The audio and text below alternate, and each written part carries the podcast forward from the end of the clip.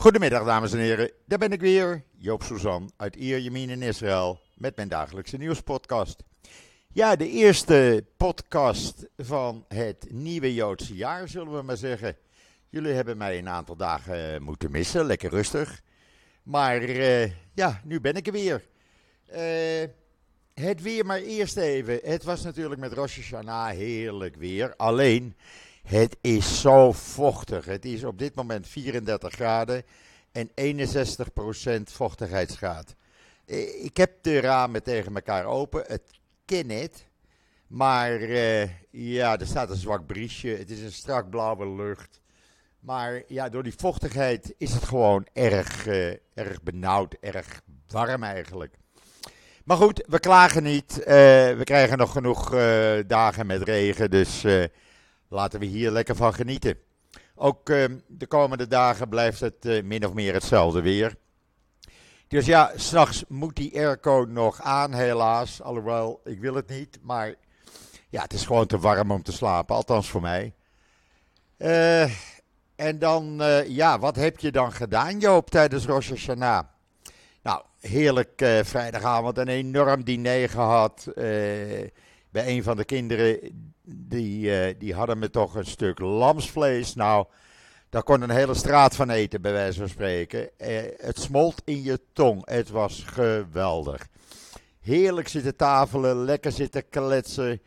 Eh, natuurlijk de appeltjes met honing en eh, alle Marokkaanse gebruiken voor Rosh Hashanah. Die, eh, ja, die hebben ze toch overgenomen, de kinderen. Vind ik leuk. En dan, uh, ja, zaterdag en zondag even wezen lunchen bij een van de andere omstebeurten. Maar ik moet je eerlijk zeggen, van dat niks doen, ik word er bek af van. Want ik heb echt eigenlijk niks gedaan. Uh, ja, een beetje eh, op het internet. En, en, veel bijgeslapen. Maar goed, dat zal er wel bij horen. Ja, en dan bereiden we ons nu voor op uh, Yom Kippur, Grote Verzoendag, zoals dat heet. Volgende week zondagavond begint dat. ik moet je wel zeggen, het was, ik vind dat altijd weer iets bijzonders. Zoals nu ook, vrijdagmiddag om drie uur gingen de winkels dicht. En die bleven dicht tot gisteravond 8 uur. Ja, ze stonden om half acht alweer in de rij. Want 2,5 dag zonder winkelen, ja, dat kan niet. Uh, gisteravond uh, waren er geen demonstraties bij ons in de buurt. Wel in Tel Aviv en een aantal andere plaatsen waar honderdduizenden mensen aan meededen. Daar kom ik zo meteen op terug. Laten we eerst even hebben over wat er in Israël nieuws staat. Nou, een uh, artikel wat ik overgenomen heb van de IDF-website over uh, de ogen van de staat die betere en nieuwe omstandigheden hebben om in te werken. En dan gaat het vooral over de kitchenettes. Leuk verhaal om te lezen. En ik dacht, nou, dat, uh, dat vertaal ik. En dan een verhaal hoe de commando-eenheid is ontstaan die al 37 jaar onder de radar opereert. Ja, moet ik dat nou helemaal gaan uitleggen? Nee, het gaat over de Mag Magellan. En daar wordt het een en ander over, over, verteld. Ook dat heb ik uit de Hebreeuwse website van de IDF. Want er staan toch regelmatig artikelen op die, ja, die vind ik interessant om te delen, te vertalen. Zo ook het artikel over het nieuwe, de nieuwe Kiria die gebouwd wordt in de Negev, in de woestijn. Dat schiet al aardig op. Wat wordt daar nu allemaal gebouwd? Wanneer is dat klaar? Nou, uh, 2026, laat ik het maar verraaien. Uh, maar leuk om te lezen hoe een nieuwe Kiria, die nu in het centrum van Tel Aviv is, wordt gebouwd in het midden van de woestijn. Is toch prachtig, want al die mensen die daar werken, ja, de meesten moeten toch in die omgeving gaan wonen. En daar komt ook een nieuwe, ja, nieuwe plaats eigenlijk voor. En dan gaat het deze week natuurlijk hoofdzakelijk over Netanyahu in Amerika. En uh, ja, hij is gisteravond vertrokken. Onder veel uh, lawaai werd hij uitgewuifd. Sarah deed er uh, handen in de oren. Maar hij ontmoet meneer Elon Musk. En daar heeft Barak Ravid een heel artikel over geschreven met allerlei achtergrondinformatie wat ik online heb gezet. Netanyahu is niet de enige. Erdogan had gisteren een bespreking met Musk. Musk nam zijn jonge kind mee. Kan je zien op Twitter, daar heb ik het neergezet, filmpje. En ja, uh, Barak Ravid geeft wat achter, achtergrondinformatie. Die bijeenkomst die zal gaan natuurlijk over het antisemitisme op X of Twitter, laten we het zo maar blijven noemen. En daar gaat Netanyahu dan over hebben. Netanyahu doet net alsof hij de enige is, maar hij is nummer, weet ik veel hoeveel, in de rij van wereldleiders die Musk ontmoeten. Want ze komen allemaal naar Amerika vanwege de Verenigde Naties. Ja, en daar uh, gaan ze allemaal naar uh, Musk toe. Het lijkt wel of Musk uh, tegenwoordig de baas is. of eigenlijk de wereldleider. Want iedereen wil toch bij hem op schoot zitten of zo. Ja, ik vind dat geen goed idee. Maar goed, ze doen het maar, zou mijn moeder zeggen. Ja, en dan was gisteravond natuurlijk die demonstratie. Er werden geen toespraken gehouden, nergens niet. Ook niet in Tel Aviv. Er was een mars vanaf het onafhankelijkheidshuis, Independence Huis. En bewust daar vandaan, vanwege die uitspraak van die advocaat van de regering afgelopen week in het Hoge Rechtshof. Dat uh, de onafhankelijkheidsverklaring, ach, daar kan je je kont mee afvegen. Het is een stukje uh, papier wat niks waard is, haastig in elkaar gezet door 37 mensen die daar niet toe bevoegd waren. Terwijl de hele staat daarop gebouwd is. Nou, ik heb er al genoeg over verteld. Maar in ieder geval, die uh, mars die ging dus vanaf het onafhankelijkheidshuis. En tijdens de mars werd er een gigantische onafhankelijkheidsverklaring ontrold. Echt tientallen meters lang. En dat werd ook op andere plaatsen gedaan, waaronder Karkoer. Er was ook een demonstratie in Jeruzalem, Haifa, Regovot, Eilat, Karkoer dus, Kiryat, Tevon. Helaas niet bij mij, dus ja, was een beetje onwennig. De 37e demonstratie voor mij zal dan komende zaterdagavond zijn. Maar ja, dan vraag ik mij af, waarom moet er altijd gelogen worden? Eh, ik begrijp dat niet. Netanyahu, die, uh, die uh, voordat hij vertrok, uh, had hij een uh, hele, hele toespraak waarin hij gewoon de stukken bij elkaar loog. Want het kwam erop neer dat de demonstranten in Israël en Amerika samenwerken met, ja je rijdt het niet, de PLO en Iran. Ik wist niet dat ik uh, uh, met de PLO en Iran samenwerk als ik op zaterdagavond uh, met tienduizenden anderen demonstreren bij mij op uh, Yamin. Maar goed, volgens Netanyahu is dat dan zo. En wat wij ook doen is Israël bezoedelen voor de ogen van de wereldnaties.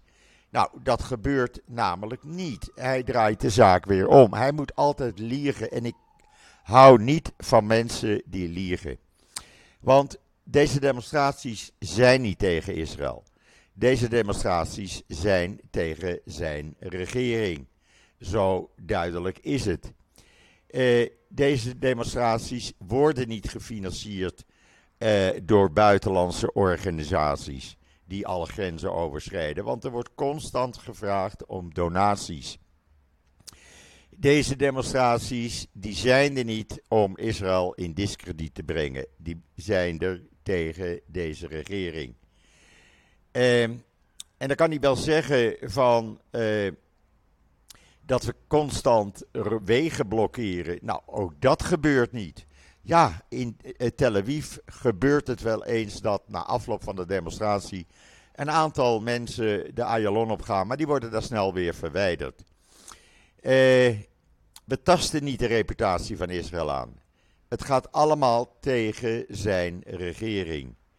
En dan zegt hij erbij, ja, toen ik het hoofd van de oppositie was, heb ik nog nooit zoiets gedaan. Nee, maar hij vergeet te vertellen, toen hij hoofd van de oppositie was, wou hij niet eens met de regering van Lapid en Bennett samenwerken. Hij wou zich niet uitlaten over wetsvoorstellen. Hij stemde tegen elk wetsvoorstel. en als hij niet tegenstemde, dan stemde hij gewoon niet mee. Dat deed jou in die tijd. En ja, hij moet niet de zaken omdraaien. Hij blijft maar liegen en liegen en liegen. En nogmaals, ik hou daar niet van. Eh, maar dat zal uh, voorlopig nog wel even zo door blijven gaan. Want ja, een ander argument is er eigenlijk niet. Uh, en dat was gisteravond die uitzending van 60 Minutes op uh, de Amerikaanse televisie. Het meest bekeken uh, actualiteitenprogramma in Amerika nog steeds, heb ik begrepen. Ja, daar waren dan een aantal leiders van de demonstraties werden geïnterviewd. Die daar uitlegden, dat kan je lezen in Times of Israel, je kan het ook zien. En alle an andere kranten, sorry. Uh, waarom er wordt gedemonstreerd, hoe er wordt gedemonstreerd. Uh, die werd uitgezonden terwijl Netanyahu onderweg was naar Amerika. Ja, dat vond hij natuurlijk niet zo uh, prettig. Er werd echt minuscuul uitgelegd gewoon waarom er gedemonstreerd wordt en hoe ze dat doen. En hoe ze zich erbij voelen. Nou, niet prettig kan ik je zeggen. Een van de mensen die uh, geïnterviewd was, uh, een van de vrouwen, was een voormalig helikopterpiloot. Er was een commandant van de elite-eenheid Sayeret Matkal, die, die geïnterviewd werd. ze legde dat haar fijn uit waarom en hoe. Want zeggen ze, wat er in Hongarije en Polen is gebeurd, zal in Israël niet gebeuren. Daar demonstreren we tegen. En uh, elke democratie, zei uh, de voormalige helikopterpiloten, elke democratie die in een dictatuur verandert, uh, werd eerst democratisch gekozen. En democratieën kunnen veranderen in dictaturen. En dat willen we voorkomen. We willen niet op een dag wakker worden en zien van hé, hey, nou zitten we in een dictatuur. Dat kan niet, dat mag niet en dat gebeurt niet. En daar wordt tegen gedemonstreerd. Ja, en dat blijft Netanyahu natuurlijk ontkennen. Maar niet alleen Netanyahu blijft dat uh, ontkennen. Uh, ook Levin bijvoorbeeld uh, blijft dat ontkennen.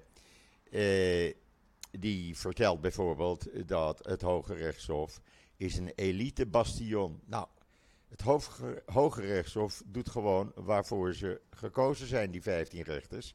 En dat is geen elite bataljon, bastion, wat boven de regering of wat dan ook staat.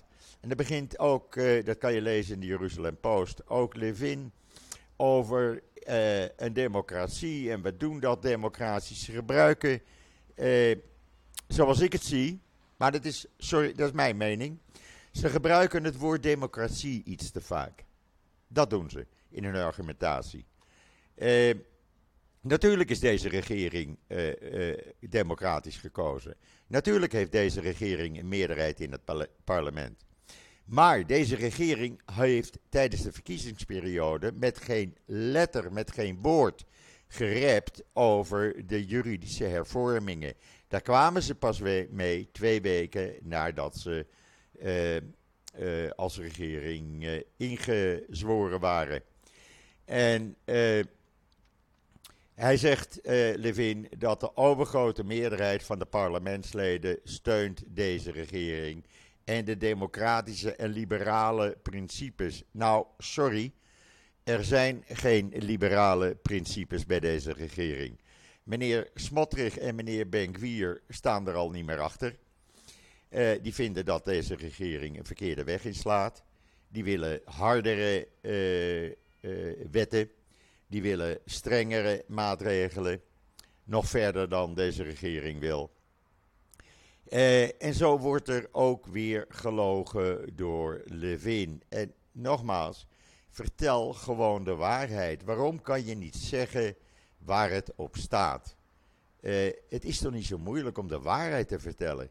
Als je een foto ziet van Sarah Netanyahu, hoe ze kijkt, naar uh, haar man, terwijl hij zijn leugenverhaal staat af te raffelen, dan is dat echt het gezicht van iemand met ogen. Kijk maar even op X, daar heb ik die foto neergezet.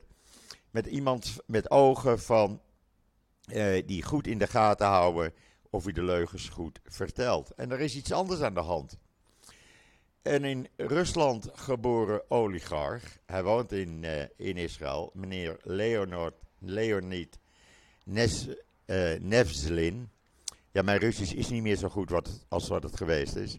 Hij is zakenman en filantroop. Maar hij is ook de schoonvader van een van de Netanyahu-adjudanten, Julie Edelstein.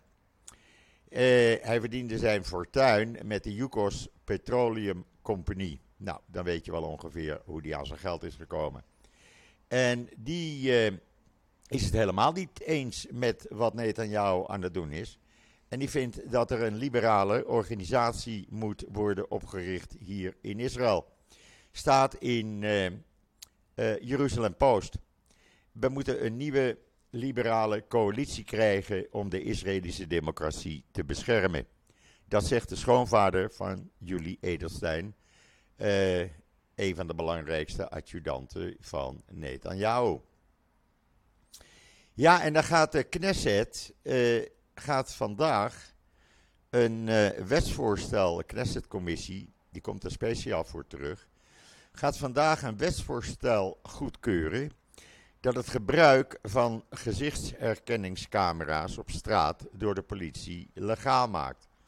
Dat betekent dat als je op straat loopt, hangen er overal, komen er overal camera's te hangen.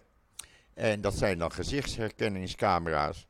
En dan kan de politie overal in openbare ruimtes in Israël gewoon zien eh, wie, eh, wie daar rondloopt, wie daar is. Nou, dat wordt dan eh, vergeleken met de politiedossiers. Dus ze weten precies wat je doet en waar je bent. Um, ik weet niet of dit nou een stap te ver is, maar goed, het zal wel horen bij uh, de moderne tijd, zullen we dan maar zeggen. Maar in ieder geval, ze komen er. En uh, ja, is ook weer een idee van uh, Netanyahu en meneer Levin, de minister van Justitie.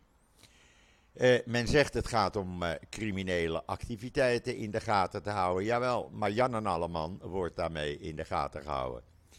Voor mij een, uh, ja, zeg maar een stap in de richting van een soort dictatuur. Maar goed, we moeten er maar aan wennen dan.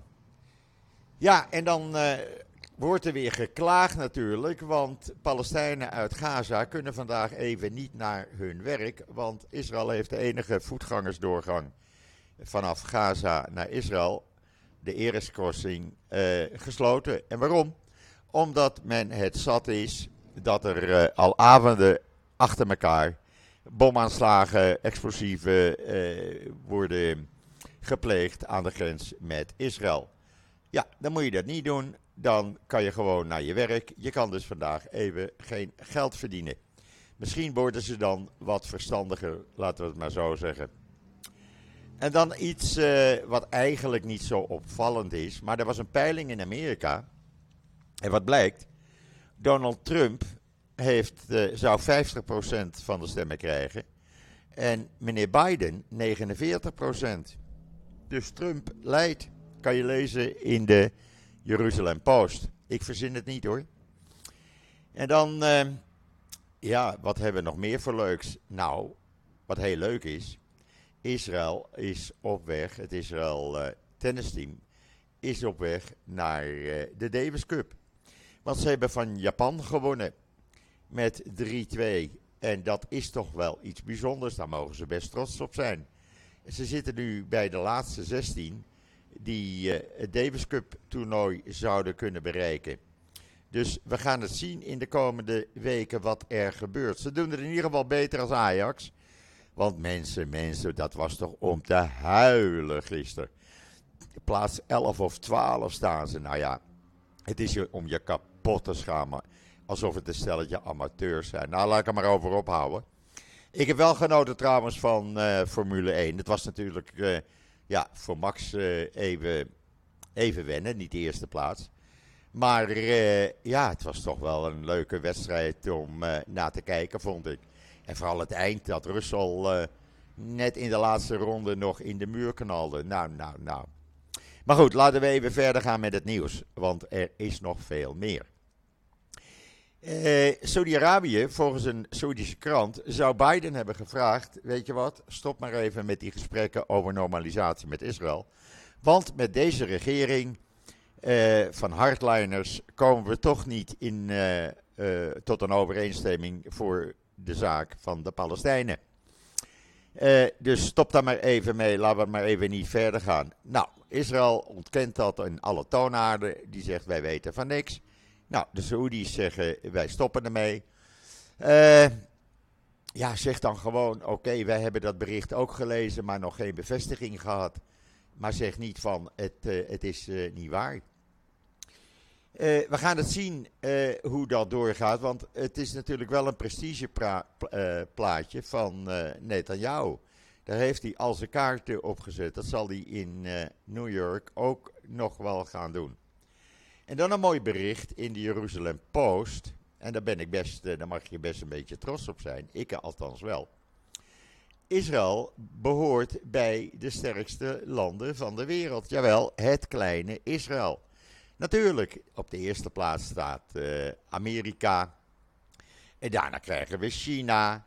Daarna krijgen we Rusland.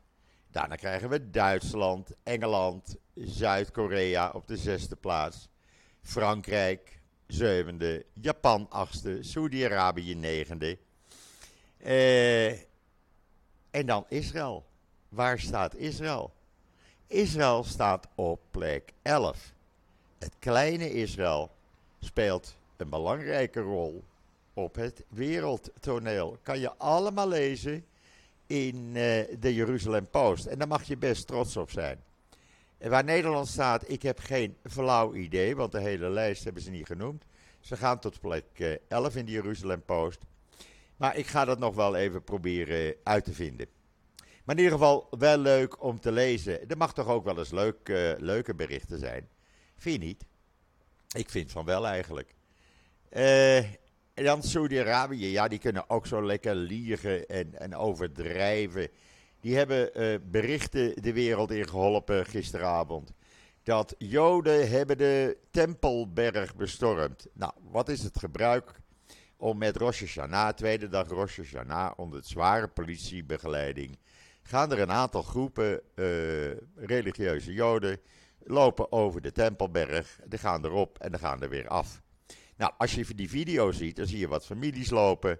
En dat is geen bestorming. Houd toch op met je overdrijven. Ik, uh, ja, de Palestijnen vinden dat prachtig natuurlijk. Wat die Palestijnen ook prachtig vinden, is dat UNESCO besloten heeft, ja, UNESCO, waar Israël al uit is gestapt, besloten heeft dat uh, in Jericho, daar zijn wat uh, ruïnes van Tel Es Sultan. En uh, ja, dat uh, behoort tot het werelderfgoed in Palestina.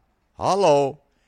Toen dit ontstond, 300 jaar voor Christus, waren er helemaal geen Palestijnen. Er, er was nog geen sprake van Palestijnen. Wat leefde hier? Hier leefden Joden in dit gebied. En uh, ja, die hebben dat uh, met nog wat anderen opgericht. Maar dat was helemaal geen Palestina. Ook weer een stelletje leugenaars.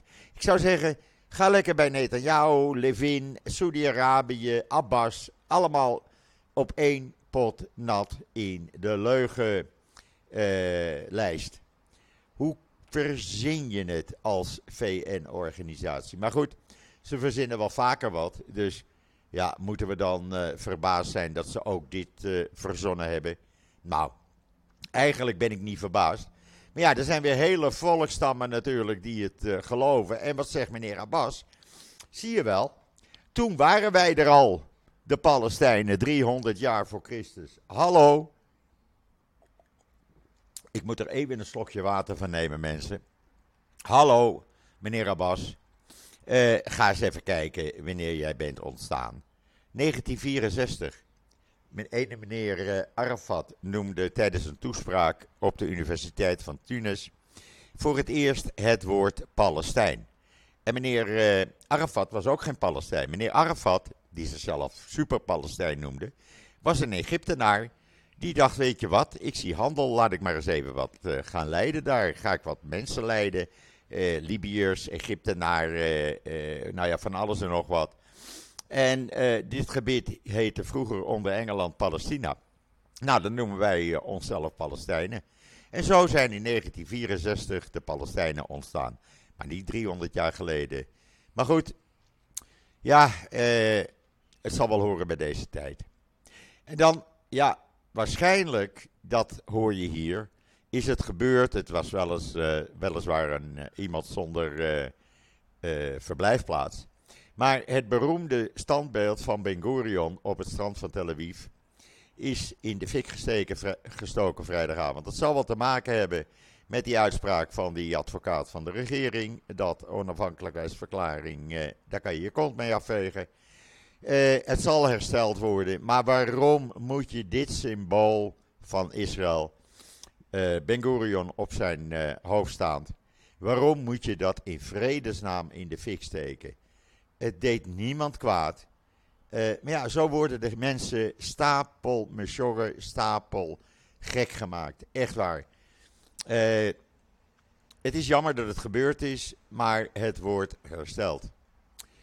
En dan, uh, wat hebben we nog meer? Nou, we hebben nog één dingetje eigenlijk. Meneer Trump heeft een Rosh Hashanah boodschap naar de Amerikaanse Joden gestuurd.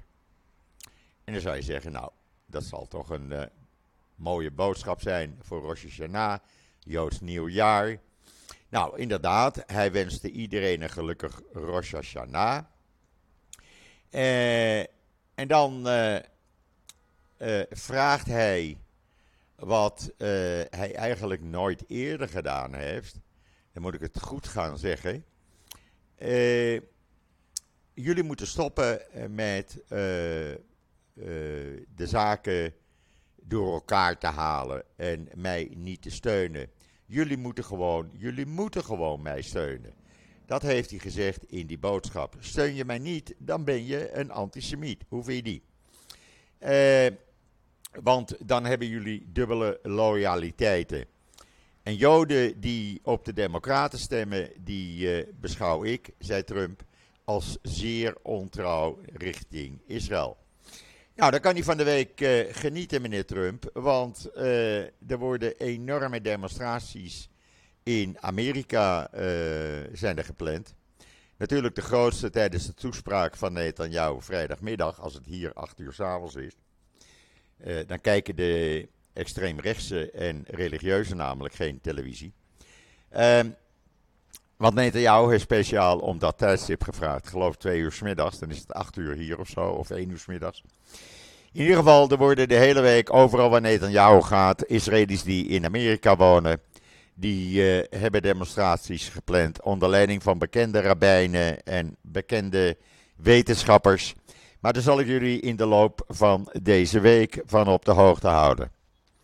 Ja, dat brengt mij zo een beetje bij het einde van deze podcast. Nogmaal, nogmaals, het zal de hele week over Netanyahu in Amerika gaan. Uh, ik geloof dat ze ook nog een zoon ontmoeten. Of dat nou in Miami is. Of dat die zoon uit dat, uh, ja, ze zeggen, afkikcentrum in Miami naar Los Angeles toe komt. Ieder geval, hij uh, is nu zo'n beetje geland in Los Angeles waar hij een aantal internetgrootheden gaat ontmoeten. En meneer Musk natuurlijk. En dan gaat hij eh, woensdag, als ik het goed heb, richting New York.